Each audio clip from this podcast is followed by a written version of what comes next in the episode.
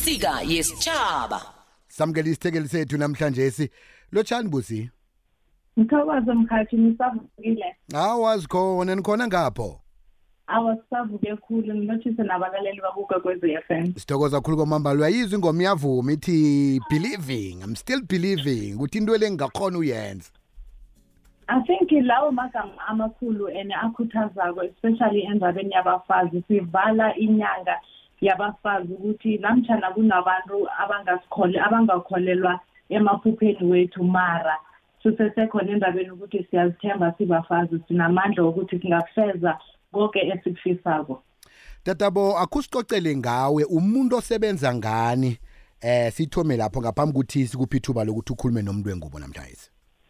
mina engikwenzako ukumentora ama-business and also corporate uh, young professionals so kakhulukazi ngikhuthaza abantu ukuthi ngiqale ukuthi kukuphi la abahloga khona kukuphi la mina ngingafinyelela khona ukuthi ngibahelebhe ukuthi babe nokuzithemba nokuthi babone ngelinye ilihlo emaphusheni abo akhona amanye afika emberegweni umuntu athi ngithoma ukubereka mara angina-confidence omunye uthi ngine-idea mara angazi ukuthi ngingakhuthaza njani ukuthi ngiye kuphi ngimiphi iminyango emele ngiyigogode ukuze ukuthi ngithole impumelelo yami baningi aboma abanama-business idea kodwana bazi ukuthi bathomaphi bayaphi asibakhuthazeke nje yiziwe ngicabanga ukuthi the most critical thing ukuthi umfazi emele ayiqale ukuthi abe nehono lokuthi athome ibhizinisi ihono lakho lithoma ngezinto ezincane ozithandako ukuthi yini othanda ukuyenza mara ungaphi i-attention ukuthi ngiyo ngakunikela ikhono lokuthi uthome ibhizinisi kaningi umuntu nawuthi ngifuna ukuthoma ibhizinisi uthoma ararane umnqondo azitshele ukuthi into le yinto ekulukulu hanisa izinto ezincane sizibiza ngokuthi mahobby ama-hobby owenzako mhlambe wena cobe weekend uthanda nedi ukuzirelaxela uziselele iwayini leyo yi-hobby so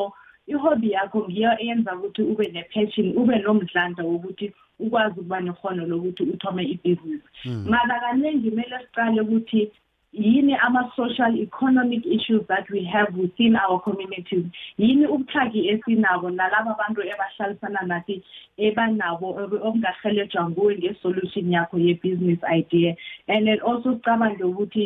i-unemployment rate is very high yiyo izinto lezo emele sizidladlahele ukuthi sikwazi ukuthi sihelebhe i-community e-south africa ukuthi ibe nomdlandla nabantu babe nembereko bakwazi ukukhuthazeka bahlogomele nemndeni yabo so umbuzo omkhulu ukuthi yini into yenza ukuthi ngidodlahlahele ukuthi ube ngisomhwebo and umfazi into ukuthi ude ube nepassion into oyithandako ukuze ukuthi namhlazana iintshitshilo zikhona empilweni yakho awuzoba nokudinwa uzophumula ubuyele kodwa Hmm. Yazi omunye umuntu ukhe wathi kimi nawufuna ukuthola ibusiness ideas akusebenza qala lapho ohlala khona ukuthi umraro yini wena ulethe isongbululo somraro lowo bese ke kulapho eza kuthoma khona ibhizinisi yakho Iye kubalulekile especially abafazi esisesebasha asibe observant sibe neliso lokuqala ukuthi ngayini into enga-improve i-community yami yini into echodako mhlambe amanzi esiwaselako akekho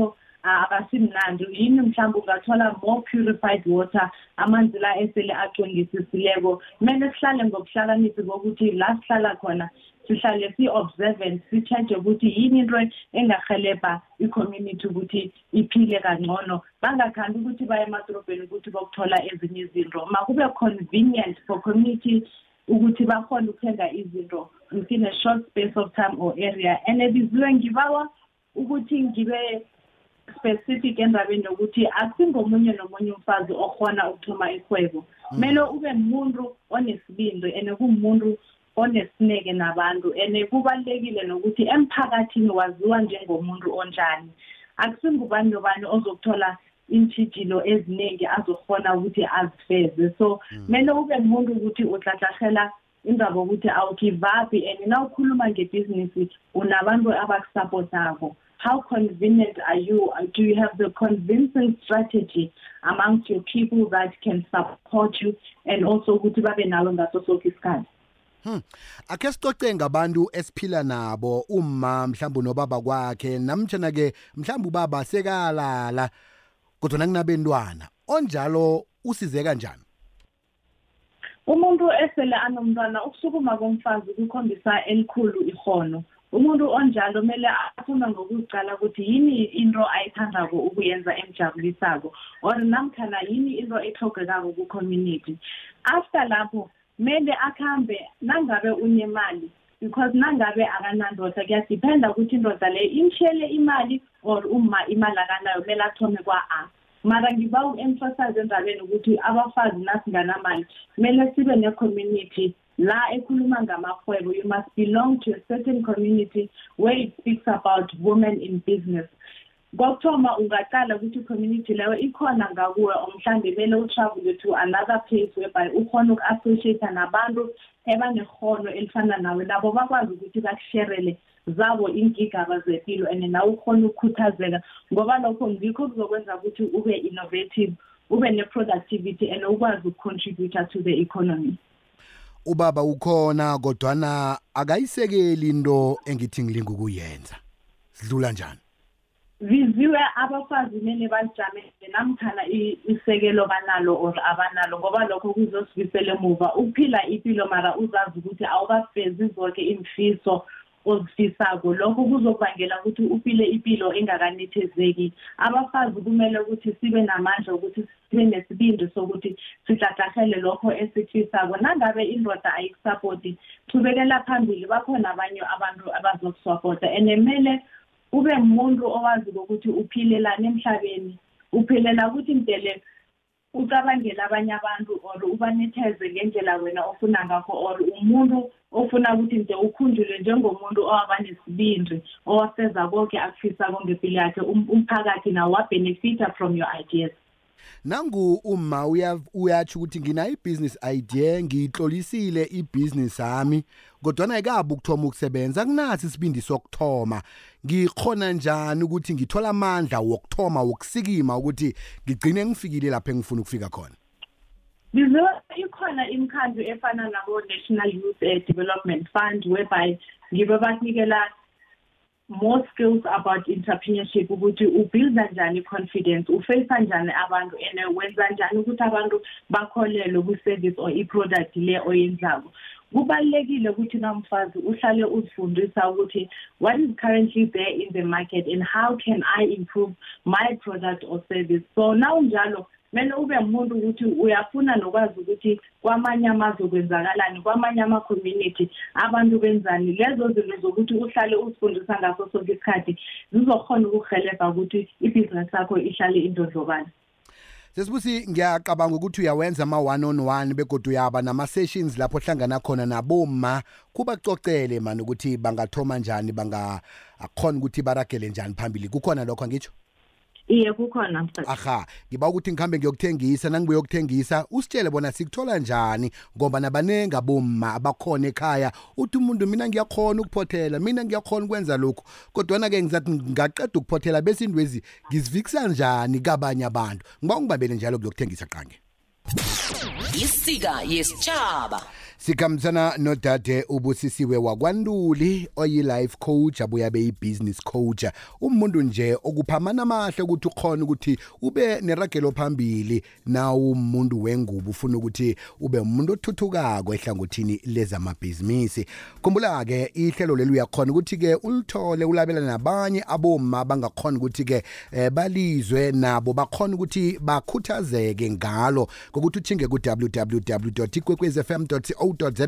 uza kuthola lapha ekuhlolwe khona podcast uyaligadangisa ke lapho ukhona ukuthi ulabelane nabanye abanye ke eh mhlawumnye umuntu ulithole phakathi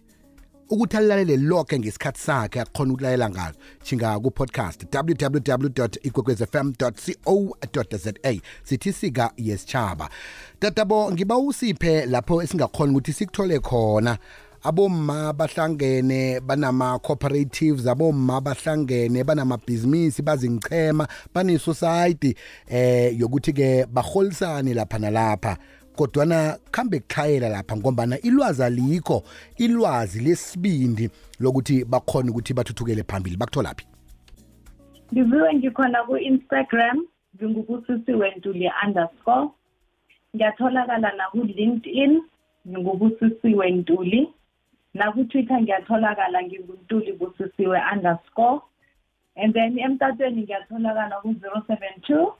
eight four double five six two four basiyibuyele linomboro leyo it's zero seven two eight four double five six two four tatabo mhlambe kunamasemina akhona ozokuba nawo nje amalanganyana la okwanje abahlali bakhona kuma emkhandlini yami yama-social media Okay. Tata bosithokoze ekhulu kwamambala siyathokoza nje nemisebenzi emihle ovane uyenzela abantu bengubo kwenzela ukuthi umnotho weSouth Africa uthuthuke uthuthukiswe imbokotho. Ngithokoze ekhulu mkhashi. Thokoza ekhulu kwamambala besikhulumisana naye ngudade kubusisiwe wakwanduli life coach and business coach.